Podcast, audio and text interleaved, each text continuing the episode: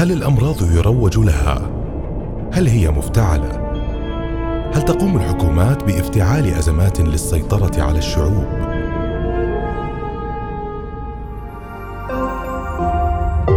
رؤيا بودكاست.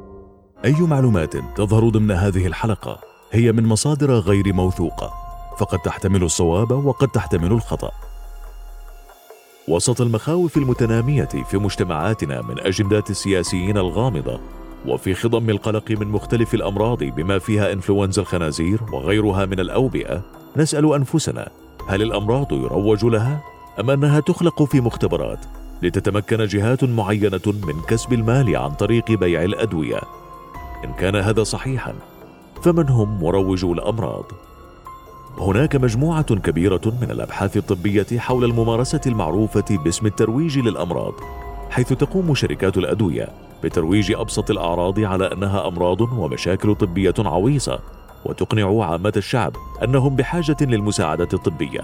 ومن ثم توفر الحل وهو ببساطة دواء جديد. لا ننكر أن شركات تصنيع الأدوية قد أسهمت في شفاء وتحسين صحة الملايين. إلا أنه في معظم الحالات تقوم شركات تصنيع الأدوية بخلق حاجة ماسة للدواء لكسب المال من العلاج كيف؟ عن طريق اختراع الداء والدواء الشافي منه. أفضل الأمثلة على هذه الحيلة هي إنفلونزا الطيور وإنفلونزا الخنازير. فقد تم اختراع الفيروس المسبب للمرضين كخدعة لبيع أدوية تهاوت نسب مبيعاتها. فبالنسبة لفيروس إنفلونزا الطيور فقد خلطت شركة الأدوية باكستر فيروسا حيا من إنفلونزا الطيور في اللقاح الذي كان القصد منه الوقاية من الإنفلونزا الموسمية العادية. وقد اكتشفت هذا الخطأ المختبرات التشيكية قبل توزيع اللقاح. أما فيروس إنفلونزا الخنازير فلم يتم اكتشافه في مزرعة للخنازير في المكسيك. بل ابتكرته شركات المستحضرات الصيدلانية في المختبرات الكيميائية لكي تنتج كميات كبيرة من اللقاحات لمكافحة الفيروسات وبالتالي كسب المال. وقد قيل لنا إن روش شركة أدوية سويسرية هي المنتجة للتاميفلو المستخدم لمكافحة إنفلونزا الخنازير. ولكن إن بحثنا أكثر سنرى أن الدواء كان مبتكرا في الأساس لدى شركة جيلاد أخيرا اتضحت الصورة ففي عام 2005 سعى الرئيس الأمريكي السابق بوش إلى ترسيخ الهلاع في العالم بقوله إن عدد الوفيات من إنفلونزا الطيور قد بلغ مليوني شخص في الولايات المتحدة وحدها. لقد استخدمت هذه الخدعة حينها لتبرير الشراء الفوري لثمانين مليون جرعة من التميفلو الدواء غير النافع الذي لا يستطيع بأي شكل أو طريقة علاج إنفلونزا الطيور. وبعد اكتشاف عامة الشعب كذبة إنفلونزا الطيور تراجعت أسهم تميفلو في السوق العالمية ولكن مع ظهور وباء إنفلونزا الخنازير في بداية عام 2009 بدأ السهم في رحلة العودة إلى الصعود حيث يتداول الآن بسعر يتراوح بين 35 دولارا و40 دولارا. استراتيجية تسويق وترويج الأمراض هي ببساطة ربط المرض بالدواء. إذا ابتكرت مرضا جديدا فيمكنك فتح سوق جديد تماما يمكنك السيطرة عليه. وهذا ما فعلته الحكومات سابقا مثل الحكومة الأمريكية. فهل نحن مدمنون على أدوية لأمراض لم نكن حقا نعاني منها؟ هذا السؤال قد يكون الأهم في ظل ما مررنا به كورونا. هل هي مفتعلة أم حقيقة؟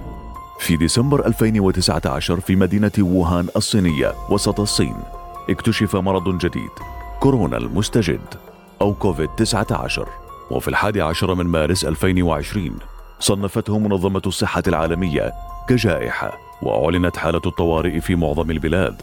كما أعلنت المدن حالة الحظر وتم إغلاق المطارات بعدما بلغت أعداد المصابين الآلاف. لكن ما حقيقة هذا الفيروس؟ وكيف بدأ؟ هل حقا تناول الخفافيش هو السبب أم هو سلاح بيولوجي من صنيعة الإنسان؟ تظهر الكثير من التحليلات ونظريات المؤامرة حول فيروس كورونا المستجد كوفيد 19 فهل هي مؤامرة حقا؟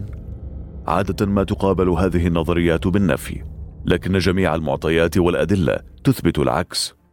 رواية The Eyes of Darkness عيون الظلام للمؤلف الأمريكي الشهير دين كونز والتي صدرت عام 1981 عادت للواجهة بعد تفشي فيروس كورونا في مدينة ووهان.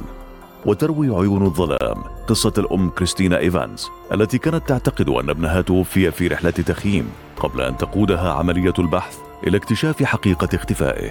ووجدت إيفانز في النهاية أن ابنها ما يزال على قيد الحياة إلا أنه محتجز داخل منشأة عسكرية. بعد إصابته بفيروس غامض أطلق عليه ووهان 400 تم تطويره في مختبر في مدينة ووهان.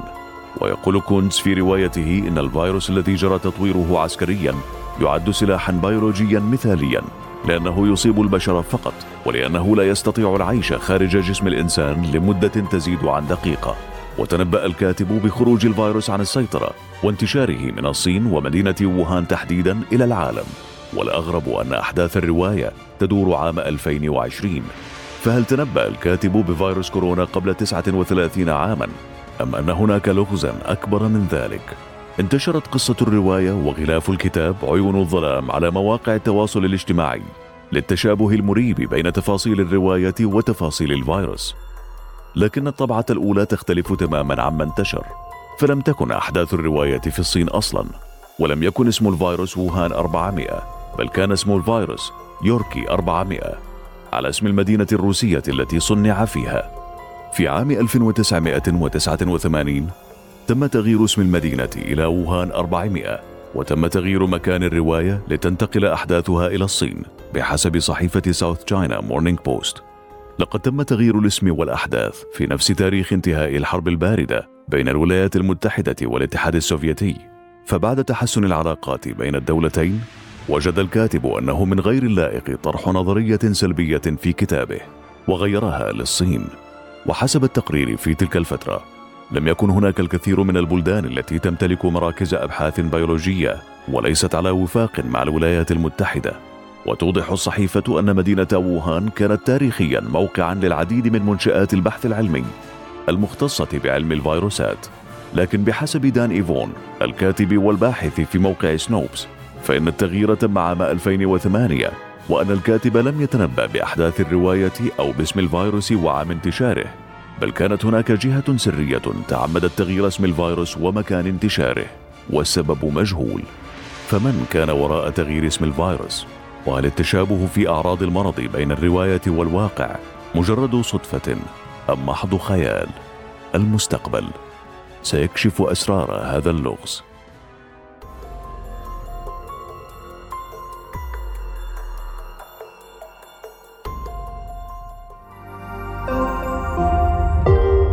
رؤيا بودكاست